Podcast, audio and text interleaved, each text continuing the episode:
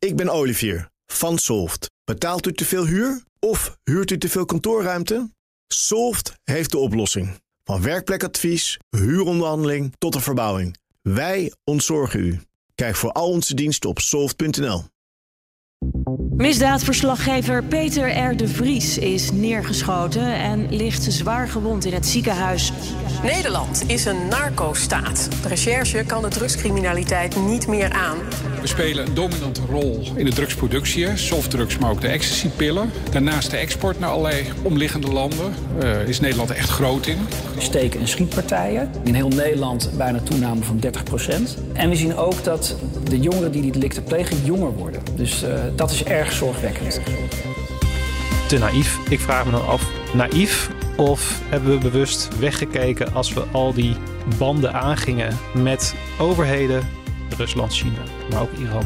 Waarvan wij denken, nou jullie principes en mensenrechtenwaardering, uh, uh, goh ja, dat is toch niet zo best. Maar weet je wat, we kunnen toch wel samenwerken, want dat is goed voor onze economie. Je luistert naar de podcast Polder in de Fik, gemaakt door bijzonder hoogleraar polarisatie en veerkracht Hans Boutoyer en universitair docent Jarin Eski. Ik ben Meerte van der Drift en jij luistert naar aflevering 4. Wat bedreigt ons als polder in tijd van oorlog? We gaan het hebben over hoe de oorlog in Oekraïne weer een opleving van de Koude Oorlog is. Hier in Nederland zou je het eerder een lauwe oorlog, een hybride oorlog kunnen noemen. Wat moeten wij als klein kikkerlandje met wat lijkt een nieuwe padstelling tussen het Westen versus de grootmachten Rusland en China? Ja, in oorlog in Oekraïne. Wat betekent dat voor ons hier in Nederland? Tja, heel veel. Allereerst natuurlijk uh, vluchtelingen die hier naartoe komen. Een heel duidelijk gevolg van die oorlog daar. Maar als we in termen spreken van hybride oorlog, hetgeen wat net voor een echte oorlog zit, hè, niet duidelijk, hybride tussenin, is er ook wel wat aan de hand in Nederland. Er wordt gesproken, vooral door experts in de media ook, over hoe dat Nederland nu uit een geopolitieke slaap aan het ontwaken is. Um, dat we alerter moeten zijn uh, op hybride oorlogstekenen. Um, maar ja, wat, wat, wat dan? Maar je moet denken aan een voorbeeld als spionnen, die hier vanuit nou ja, bijvoorbeeld Rusland dan kunnen rondlopen. Of uh, uit China. Een universiteit? Ja, een universiteit, ja. Ja, het is hier allemaal heel erg uh, rustig. Ja, je hoort wel wat studenten, oh, er zitten er ook een paar. Een beetje aan het studeren. En hier ook uh, nou heb je een bibliotheek. Ja, het is allemaal zo heel sereen, hè? En allemaal zo, zo heel erg vriendelijk en vrolijk. Ze zijn een beetje aan het overleggen. Er worden veel aantekeningen gemaakt. Het is de bedoeling dat we hier onderzoek doen en lesgeven. In principe allemaal hele mooie dingen, toch? Toch, zeg jij. Ja, uh, want we hebben sinds vorig jaar, uh, sinds de inval in Oekraïne eigenlijk, uh, door Rusland, zijn we toch wel in een andere soort fase gekomen. We hebben natuurlijk in de universiteit hebben we nou ja, academische vrijheid. Want alles zou in principe onderzocht moeten kunnen worden. Met iedereen samen, door iedereen. Maar een van de dingen wat er nu ja, toch al bij is gekomen is... hoe veilig is dan vervolgens die kennis die we samen maken en verzamelen en delen? En welke kennis wil je bijvoorbeeld niet delen? Uh, en dan moet je echt denken aan kennis rondom toegepaste technologie uh, voor defensie of alle, alle, allerlei soorten andere veiligheidspartijen. Ja, en als je daar onderzoek naar wil doen en je wilt dat in internationaal samenwerkingsverband doen, dan kan het wel zijn dat je met partijen samenwerkt die uh, uit landen komen die ja, toch niet per se dezelfde waarden en normen hebben dan als, als, als wij hier in Nederland. En dan moet je concreet denken aan Rusland of China of Iran. Ja, en ga zo maar even door. Willen we wel met deze landen op die manier samenwerken? Dat zou betekenen dat een groepje studenten op een technische universiteit, waar een Chinese student in zit, anders wordt aangekeken. Ja, dat is natuurlijk wat je niet wil hebben. Maar als ik zo eens eventjes kijk rondom me heen, dat is gewoon heel erg gek eigenlijk. Dat je hier rondloopt en denk je van ja, allemaal mooi en allemaal heel erg fijn.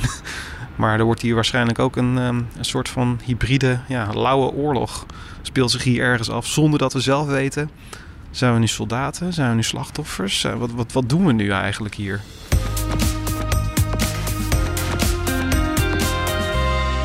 Tegelijkertijd heb je ook het vraagstuk: ja, maar ja, gaan we dan iedereen tegenhouden die uit China komt? Nee, natuurlijk gaan we dat niet doen. Want we hebben ook nog zoiets als een democratische rechtsstaat hier. En we willen samenwerken met mensen. En daar ergens tussenin zitten we nu, in Nederland althans. We weten heel goed dat we afhankelijk zijn van andere werelddelen. Omdat we een heel erg klein kikkerlandje zijn. We zijn heel erg goed in handel bedrijven. We zijn heel erg goed in kennis ontwikkelen. We zijn ook een kenniseconomie. En tegelijkertijd vormt dat ook bij ons de zwakste schakel. Want hoe zit dat dan? Als je nagaat uh, dat bijvoorbeeld de Rotterdamse haven. Dat is vooralsnog de grootste haven in Europa. Dat ligt in Nederland. Daar liggen niet alleen heel veel goederen voor ons, maar ook voor het achterland, zoals het heet. Dus België, Duitsland. Maar daar ligt ook, of daar gaat veel energie doorheen. Olie, eigenlijk als uh, meest concrete voorbeeld. Dat zijn bij elkaar uh, genomen, zijn al die producten waar wij ons leven van afhankelijk is op dagelijkse basis, onze primaire levensbehoeften, die zitten daar in, het, in dat gebied. Er zijn grote zorgen op dit moment dat dat, dat gebied platgelegd kan worden, al dan niet door een cyberaanval of simpelweg een bom erop, zoals in de Tweede Wereldoorlog is gebeurd. Dat leeft weer op in de sector zelf. Dat daar weer angst voor is dat het platgelegd zou kunnen worden, Ja. die eh, toevoer, die soort van slagader naar eh, ons Ja. toe. Precies, slagader, zeg je het heel erg goed. De angst is dan bijvoorbeeld, Rusland die zou het slecht met ons voor hebben. Wat er van waar is, dat weet je niet. Maar stel dat is zo. Dan is zo'n haven niet alleen voor ons belangrijk, maar ook voor de rest van Europa belangrijk. Want als je die plat legt, nou ja, dan zijn wel eens een keer voorspellingen van geweest. Dan eh, binnen drie weken ligt eh, de Rotterdamse omgeving eh, is helemaal ja, eruit gehaald, platgelegd. En dan binnen een maand of twee maanden heel de Nederlandse economie. En dan binnen een jaar of misschien nog wel korter Europa. Nou goed, wat daar ook van waar zou mogen zijn. De angsten zijn er. Het maakt je dus ook heel kwetsbaar. Is dan de angst voor ontwrichting, hè? De, de angst dat je daar aanslagen op krijgt of wat dan ook. Is dat dan ook de reden om daar dan toch terughoudender in te worden? Bijvoorbeeld die Chi- Chinese studenten waarvan we altijd eh, eh, ja, hoog opgaven dat we die binnenhaalden. Dat we daar nu aarzelingen bij krijgen. Ja, dat zie je in één keer gebeuren. Dat zie je ook in ons eigen werkveld gebeuren. Eh, dat er gewoon toch wel wordt opgeroepen tot eh, alertheid. Wordt wel dan genuanceerd bij aangegeven, ja, niet per se alleen maar op één groep studenten eh, richten. Tegelijkertijd moet je ook wel concreet worden. Ja, maar op wie dan wel? Zijn het dan ook Amerikaanse studenten? Zijn het ook Britse Ja. studenten? En je ziet dat daar, ja, daar zit gewoon een groot spanningsveld. Dat is er ineens. En dat is er vooral ineens gekomen sinds de inval toen de tijd nog eh, in Oekraïne en snel de oorlog in Oekraïne door de Russische overheid. Waar je dan als Nederland sterk in bent, eh, die kennis en economie, word je ook geconfronteerd met je eigen principes die misschien in de weg zitten. En dan heb ik het concreet over academische vrijheid. Daar geloven wij in dat dat is een groot goed, eh, een heilig huisje, zoals het genoemd wordt. En er wordt nu ook van gezegd, misschien moeten we dat omver gaan trappen.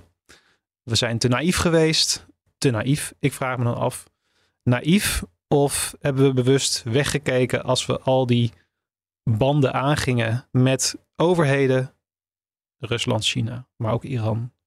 Waarvan wij denken, nou jullie principes en mensenrechten, eh, waardering, eh, goh, ja, hm, dat is toch niet zo best. Maar weet je wat? We kunnen toch wel samenwerken. Want dat is goed voor onze economie. Ja. Goed voor onze democratische rechtsstaat, want die moet ergens van betaald worden natuurlijk. Dus dat weegt dan zwaarder dan de moraal. woog zwaarder, denk ik. Ik denk dat daar nu wel een kanteling in Ja. is aan het komen. Eh, dat we toch wel gaan nadenken van ja, eh, die democratische waarden, die, die, die lijken toch wel belangrijk. En daarom vroeg ik ook in de vorige aflevering aan je, Hans, van ja, dat nieuwe verhaal. eh, ik denk eigenlijk dat we, nou, tussen aanhalingstekens, de vijand eh, wel weer zien. Namelijk bedreiging voor onze democratische rechtsstaat. Of dat nou een Rusland is, of een China, of een Amerika, of who knows. Maar dat we wel zien hoe eh, fragiel eh, deze principes allemaal zijn. Als het neerkomt op economie, maar ook op, en dan wordt het heel erg concreet voor de Nederlander, de gasrekening die omhoog gaat. Ja.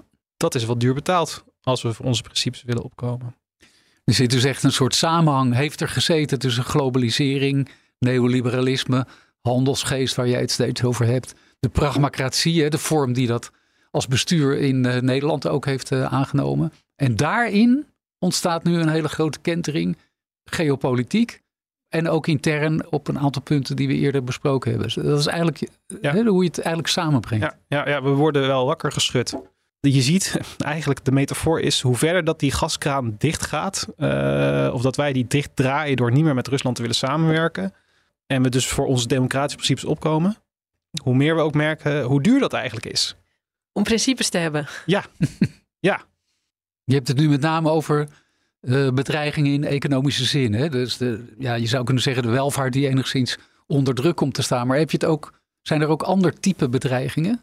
Veiligheidsbedreigingen, fysieke bedreigingen. Zie, zie je daar ook voorbeelden van? In Nederland ten aanzien van het onderwerp hybride oorlog, ja.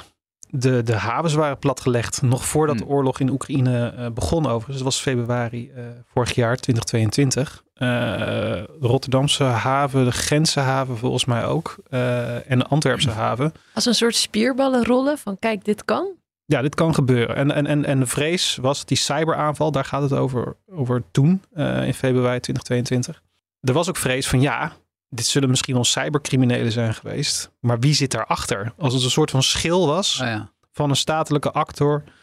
Rusland, China. Nou goed, dus de verdachtmakingen, eh sorry, de verdenkingen, die, die, die zijn nu nog veel sterker richting deze, deze landen. Als er iets gebeurt hier in Nederland wat ontwrichtend is of onttrekkend is. Ja. Ik heb de indruk dat die hybride bedreigingen vaak ook wel cyber gerelateerd zijn. Klopt dat? Het is net via, via internet, zeg maar, hè, via de cyberspace, zijn er natuurlijk heel nieuw type bedreigingen mogelijk geworden. Die daarvoor gewoon überhaupt niet konden, omdat alles zich fysiek afspeelde. Ja, dat is ook een stukje, eh, ook onderdeel van die afhankelijkheid. Wij hebben internet nodig. Anders kunnen wij onze havens, kunnen wij onze kennisinstellingen, kunnen wij eigenlijk al het leven dat we nu kennen, kunnen we niet draaien. Ehm, en cyber is daar zeker bij een, een nieuwe soort ja, variant op die dreiging, waarbij het heel makkelijk is om ergens binnen te komen via een achterdeurtje die wordt eh, geopend.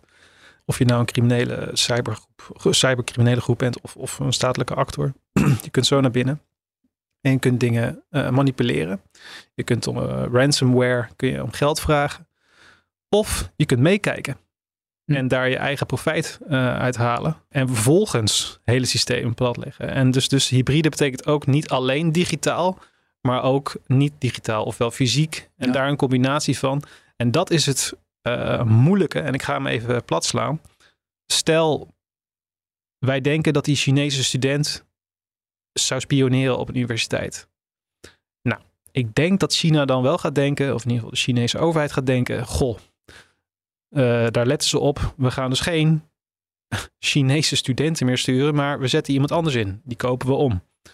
Een Nederlandse student, blond haar, blauwe ogen, zit bij mij in de les met zijn laptop. Eh, en die wordt betaald door de Chinese overheid om bepaalde spionageactiviteiten te ondernemen. Door onder andere in het e-mailsysteem te kunnen. En misschien her en der wat achter te laten om mee te kunnen kijken wat voor soort e-mails eruit worden gewisseld. Ik, dit is allemaal hypothetisch wat ik nu zeg. Maar zover, zo verfijnd is het geworden, die hele hybride oorlog. Waarbij het net zo moeilijk is van ja, wie is nog wel en wie is niet meer nu de vijand. En, en dat is het hele eh, complexe vraagstuk van die hybride oorlog, die hybride dreiging. Het is ook een nieuwe invulling eigenlijk van dat begrip ondermijning. Hè? En misschien wel de oorspronkelijke Precies. betekenis van onder- ondermijning. In de tweede aflevering hebben we het natuurlijk over georganiseerde misdaad gehad. Daar is alleen maar het crimineel gewin is eigenlijk het motief. Hier heb je het meer over ideologisch eh, geopolitieke motieven. Ja. Eh, maar met hetzelfde type bedreiging eigenlijk. Ja, en ja, hetzelfde type middelen. eh, dus, dus ook die, die hybridisering van georganiseerde, georganiseerde criminaliteit en, en statelijke dreiging, hybride dreiging, dat is ook een zorgpunt. In hoeverre zijn er criminele groepen, de Ja. van deze planeet, beïnvloed door, door, door dit soort grotere statelijke actoren. Ja. Die veel meer middelen hebben en, en ook echt ja, legale vormen hebben om dit soort zaken eh, te kunnen bewerkstelligen. En dat, daarom vind ik eh, Nederland als land, als, als e- economie, als, als handelsnatie en als kenniseconomie een heel interessante casus. Want we worden zowel, eh, we zijn bang om zowel uitgeschakeld te worden als ingeschakeld te worden. En er was onlangs een. En ingeschakeld, is dat dan voor het karretje gespannen? Of? Ja, dus kennis wordt hier onttrokken op illegale manier. Dus door spionage of een hack. Of... Als we even teruggrijpen naar aflevering 3 over polarisatie. Ja, dat is gewoon koren op de molen. Hè? Tegen, uh, strijd hier in Nederland tussen, tussen groepen mensen. Dat is het koren op de molen voor, voor een Rusland. Om dan lekker te gaan beïnvloeden en aan te wakkeren. En met bots en met trolls te gaan werken. En bepaalde politieke geluiden te benadrukken. Ja. En wat ik een interessante discussie vind, uh, die een beetje door deze hele uh, afleveringsserie heen loopt, is Hè, hoe dat het uh, neoliberale, neoliberale Westen op het einde is gekomen, die, uh, die, economische voorspoed, dat dat allemaal, ja, daar, daar merken we nu een kanteling van. Daar zien we de donkere kanten van, qua koloniale verleden. Dat we daar nu mee worden geconfronteerd en tegelijkertijd ook gebruikt wordt door landen die zelf ook zeggen ja. dat het westerse kapitalisme een, een faalmodel is. Um, ja. dus, dus ik vraag me wel eens af, waar vechten we nou eigenlijk om? Wat is nou echt, is het die ideologische strijd? Wat, wat is er nou zoveel anders in andere delen van de wereld vergeleken met hier? Dat ze denken, we moeten dit soort dreigingen blijven uit. We moeten, we moeten bommen gooien op de Oekraïense bevolking om te laten zien dat, dat NAVO niet verder moet gaan. Uh, goed, daar zo kunnen we wel even door blijven gaan. Uh, maar dat zijn wel de diepere vraagstukken. Nou ja, daarom, ik vind, juist daarom vind ik het zo belangrijk om ons opnieuw te realiseren wat het Westen eigenlijk is. En dat weliswaar het oude Westen piept en kraakt. We zijn op alle mogelijke manieren, staat dat onder druk en noem maar op, ook intern. Dat is de strijd waar we het vorige keer over gehad hebben.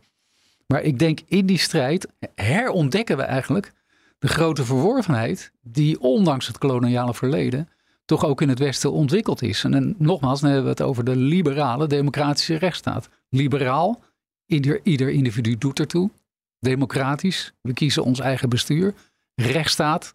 Er zijn gewoon ook checks en balances ingebouwd om te voorkomen dat een idiote meerderheid opeens uh, minderheden uh, ombrengt. Dat is iets waar we trots op moeten zijn. Dus dat is dat liberale... blijven bestaan in die identiteitscrisis. De... Ja, dus we moeten op de knieën voor dat koloniale verleden. We moeten begrijpen dat die geopolitieke druk enorm toeneemt. Maar daarbinnen datgene waar we voor te knokken hebben, is naar mijn idee toch wel precies dat. Indien die ook goed gerealiseerd wordt, hè, dat is wel echt van belang. Dus een rechtsstaat is niet alleen een juridisch dingetje. Een rechtsstaat moet ook sociaal, politiek en moreel in orde zijn. Dat is een citaat van een Tsjechische dissident. Dat gaat nu misschien een beetje te ver, maar juridisch, sociaal, politiek en moreel in orde zijn. En daarin schiet het Westen in die pragmacratie die we gehad hebben, toch wel enigszins tekort. De rest staat er wel een soort performance crisis. En ik denk dat het echt belangrijk is, dus misschien een soort van antwoord op jouw vraag, waar vechten we voor? Dat het ontzettend belangrijk is om die, dat idee van wat het Westen is, nieuw leven in te blazen. Maar ook te voelen. Dus ergens. En wat bedoel je dan met voelen? Nou, als het niet alleen juridisch is, maar ook moreel, politiek. En ja. dat je er ook in moet geloven. Dat je er moet in geloven en dat hij zich ook realiseert. Dat hij ook wordt waargemaakt. En daarin is denk ik die pragmacratie, die schiet daar tekort in. Ja, okay. uh, alleen maar denken in termen van efficiëntie en effectiviteit. En die handelsgeest die daarin dominant wordt. Dat is niet het antwoord. Dat schiet tekort. Ja, maar dit zijn, dit zijn natuurlijk wel grotere, grotere verhalen waar we nu een beetje over hebben die, die wel in die oorlog, die hybride oorlog waar Nederland aan deelneemt, laat ik het zo, laat ik het zo zeggen, ongewild overigens.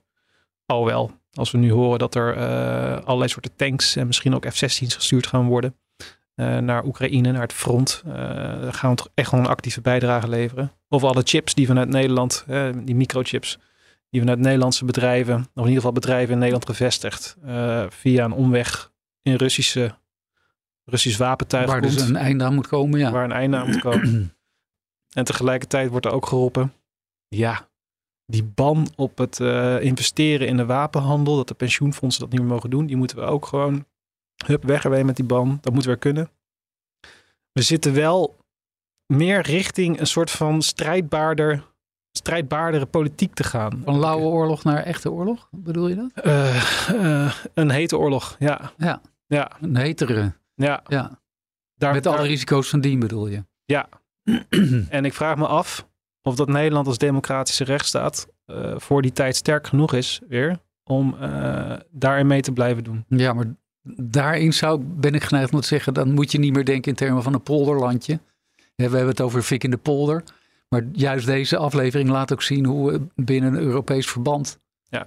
Uh, we kunnen niet anders dan in een Europees verband uh, ons te weerstellen tegen dit soort geopolitieke dreigingen. Je zou wel kunnen zeggen dat uh, vanuit een positief perspectief gaan we steeds meer denken in termen van weerbaarheid en veerkracht. En dat is wel echt een goede notie eigenlijk. Hè? Want de veerkracht met name is, ja, komt uit de ecologie, een heel verhaal kan je erover houden. Maar je ziet dat dat in heel veel disciplines opkomt eigenlijk als belangrijk begrip. Omdat veerkracht, dan ben je niet zozeer gericht op specifieke risico's. Want dat kan niet meer, omdat, we zo omdat die zo onvoorspelbaar zijn. Maar de veerkracht is eigenlijk heel erg gericht op het versterken van het systeem naar aanleiding van inbreuken erop. Uh, dus bijvoorbeeld de coronacrisis, dat is een inbreuk geweest. Die incasseer je, dat is de eerste fase. Vervolgens probeer je daarvan te herstellen, dat is de tweede fase. En bij voorkeur, en dan heb je het echt over veerkracht, verbeter je daarna ook het systeem. Dus versterk je het systeem. En dat is wel de manier waarop we denk ik ook met hybride bedreigingen omgaan. Ik bedoel, ik verzin dit zelf niet. Dit is wat je eigenlijk wel ziet gebeuren. Dat crisissituaties, inbreuken, uh, risico's, wanneer ze gedetecteerd worden, dat op dat moment eigenlijk ook het systeem zich in principe kan versterken. Daarom is bijvoorbeeld het begrip lerend vermogen, dat komt eigenlijk uit dezelfde uh, manier van denken. En dat zie je heel erg uh, opkomen. En, ik, en daar, van daaruit denk ik dat je wel een soort houding kan hebben, ja. die in positieve zin richting geeft aan datgene wat je, hoe je het kunt opstellen tegenover die hybride bedreigingen. Ja, zonder dan weer door te schieten naar het een of het ander. En dat betekent nadenken, geduld, uh, tolerantie, respect. Noem, het, noem al die mooie maar woorden maar even op. Uh, maar daar hoor je niks meer van tegenwoordig in de huidige debatten. Nee. Het is, staat op superscherp, alles is verhit. Ja. Uh, en alles lijkt een bedreiging en enige kalmte. Ja. Enige rust. Die kalmte kan je hebben op het moment dat je je systeem eigenlijk zo hebt ingesteld dat het veerkrachtig is ten opzichte van ja. de bedreigingen die er zijn. En de inbreuken die erop worden gemaakt. Als je eigenlijk een soort sterk systeem hebt dat elke keer daar weer op weet te reageren en zich daarin weet te verbeteren, dan kan je ook je permitteren om een zeker vertrouwen te hebben in de geduld en kalmte en rust. En als jij zegt systeem, waar hebben we het dan over? Ja, ja, dan, ja bedoel ik eigenlijk de samenleving als geheel. Dus ook uh, politie, justitie, maar ook politiek. Uh... Absoluut. Dus eigenlijk al die partijen, al die instituties. Kijk, in principe gaat het natuurlijk om mensen, burgers enzovoort. Hè, naar de mensen samenleving. toe. Dat doen we per slotverrekening. Samenleving. Ja, maar onze samenleving, en dat is eigenlijk ook de kracht van onze samenleving, is in principe georganiseerd in termen van instituties, organisaties. Dat is eigenlijk de, de, de, ja, de, de kracht van het systeem als zodanig, als geheel. Ja. en, dat, en dat geheel, en dan nogmaals, het gaat over het recht, het gaat over politie, justitie, maar het gaat ook over het onderwijs of over de media of nou, alle, alle mogelijke bedrijven ook, noem maar op. Dat is bij elkaar het systeem. En op het moment dat het systeem zich beter weet in te richten op die potentiële eh, dreigingen en daarin ook steeds dat lerend vermogen weet op te brengen, dan kunnen we ons iets meer rust ook permitteren in de uh, onderlinge verhoudingen ten opzichte van elkaar. Mm. En is dat dan die veerkracht ook onderdeel van die, uh, het antwoord op die identiteitscrisis, op het nieuwe Westen. Hoort, is veerkracht dan een ingrediënt daarvoor? Ja, ik, zie, ik, ik zie inderdaad veerkracht. Daar heb je helemaal gelijk in. Kijk, die veerkracht is eigenlijk de continuïteit van het oude Westen, voor zover dat nog relevant is in het nieuwe Westen. We moeten ons constant aanpassen. We moeten echt, nogmaals, bijvoorbeeld op de knieën voor ons koloniale verleden. We moeten ons opnieuw inrichten op alle mogelijke manieren. We moeten proberen die rechtsstaat echt te laten werken. En niet uh, die ongelijkheid teweeg te brengen zoals dat nu het geval is. Bestrijden van de ongelijkheid bijvoorbeeld is echt een groot punt. Maar op het moment dat je dat doet, dan ben je dus eigenlijk bezig met een soort continuïteit in te bouwen in het systeem. En dat is die veerkracht. En op de knieën, het is nu een paar keer gevallen voor dat koloniale verleden. Dat is een, dat is noodzakelijk om het de nieuwe Westen in te kunnen. Ja, zo zie ik het eigenlijk Wat betekent dat dan op de knie? nou ja, het is in feite natuurlijk nu... Uh, excuses. Dat zijn die excuses. Ik, ik, daar moet een vervolg op zitten. Ik kan denk ik niet bij excuses blijven. Uh, maar goed, dan wordt, wordt het een beetje iets, iets te technisch misschien. Maar ja. ik denk wel... Dat maar meer, je, waarom is dat zo'n belangrijke bouwsteen? Dat dat nodig is? Om, ja, omdat uiteindelijk dat Westen wil je zelf bewust kunnen staan voor een aantal verworvenheden van het Westen. Zodat er een identiteit gevormd kan worden. Ja, en dat je eigenlijk ook uh, meegaat en begrijpt dat de kritiek en de aanvallen op dat Westen tot op zekere hoogte ook legitiem zijn. Dus je moet begrijpen dat er ook uh, ja, terechte argumenten zijn om dat Westen aan te vallen. Dat moet je begrijpen, moet je erkennen, moet je ook respecteren, moet je je voor excuseren, om vervolgens eigenlijk ook een daadkrachtige, veerkrachtige positie in te kunnen nemen. Een onderdeel van, de, van zo'n hybride oorlog. Bijvoorbeeld, een onderdeel van die democratische rechtsstaat is dus ook wel ook zelf naar die democratische principes en normen en waarden leven. En als dat niet gebeurt, daar ook uh, ja, de gevolgen van willen dragen. Want anders is het gewoon heel erg makkelijk voor een externe partij, wie het ook mogen zijn, om te zeggen: ja, maar jullie zijn hypocriet. Want jullie hebben een, een verschrikkelijk verleden en uh, nu, nu, doen jullie alsof jullie het beste jongetje van de klas zijn. Ja, externe partijen en ook interne partijen. Ja. Die dus zeggen van ja, maar de, deze democratische rechtsstaat werkt niet voor mij. Omdat ik helemaal onderaan bungel of uh, ik word op geen enkele manier gezien of wat dan ook. Ja. En dat is eigenlijk de identitaire strijd die we op dit moment uh, ja. voeren. Dus daar waar Hans zegt, even op de knie, een knieval maken. Uh, maar om overeind te blijven, zeg ik ook, en ook wel even in de spiegel kijken. Dit zijn de grotere verhalen. Dit zijn de grotere, de lange adem oplossingen. We hebben het hier over al deze afleveringen, uh, over veiligheidsproblematiek, bedreigingen, noem maar op. Tegen de achtergrond van een gigacrisis natuurlijk. De klimaatcrisis en de ja. duurzaamheid. Zou het zo kunnen zijn dat wat nu die oorlog uh, in Oekraïne betekent voor een soort herontdekking van uh, ja, de westerse verworvenheden. Zou het kunnen zijn dat de klimaatcrisis op dezelfde manier voor de mensheid, nou maak ik het heel groot, sorry, voor de mensheid toch ook wel een soort nieuw besef doet uh, ontstaan. Mm -hmm. wat er op het spel staat eigenlijk. Maar het is ook heel groot en het is ook belangrijk dat dat besef wordt. Want teruggrijpen naar uh, de, de, de oorlog in Oekraïne. Wij merken daar ook iets van in onze portemonnee door die energierekeningen die omhoog gaan. Want we hebben nog steeds fossiele brandstoffen nodig. En de toevoer ervan wordt eigenlijk tot een wapen gemaakt door de grootmachten, door Rusland bijvoorbeeld. Uh, dus je ziet daar heel erg uh, met een omweg weliswaar, je ziet de klimaatverandering uh, tot wapen gemaakt worden. Lauwe oorlog, je hebt dat begrip nu dus geïntroduceerd. Wat is dan iets wat je daar als Nederlander mee zou moeten? Ja, dat vereist toch echt wel een bewustzijn wat rekening houdt met bepaalde scenario's. Want je moet gaan bedenken, ook ja, cyberdreiging. Ik kan niet zomaar meer overal vrijelijk op het internet toegaan. Nou, ja, dat klopt. Je hebt te maken met mensen die mogelijk kunnen bespioneren. Dus collega's, klasgenoten, ja. mensen die je tegenkomt. Ja, en dat is, het, dat is het hele frustrerende van dit soort dreiging. Je kunt zelf namelijk doorschieten in paranoia, waardoor je zelf de dreiging wordt. En dat is ontzettend lastig. Polder in de fik hebben we uiteengezet in vier afleveringen. Ja. Kunnen we blussen? Maar makkelijk wordt het nooit. Dit was Polder in de fik. Je hoorde wetenschappers Hans Boutoyer en Jarin Eski. Ik ben Meerte van der Drift en deze podcast hebben we kunnen maken dankzij de VU Amsterdam Governance for Society. De eindmontage is gedaan door Wesley Schouwenaars en eindredactie door Wendy Beenakker van BNR.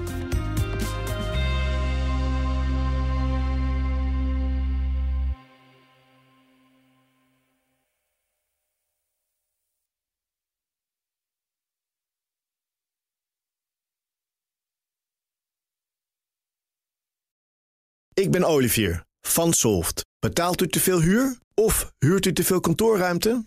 Solft heeft de oplossing. Van werkplekadvies, huuronderhandeling tot de verbouwing. Wij ontzorgen u. Kijk voor al onze diensten op soft.nl.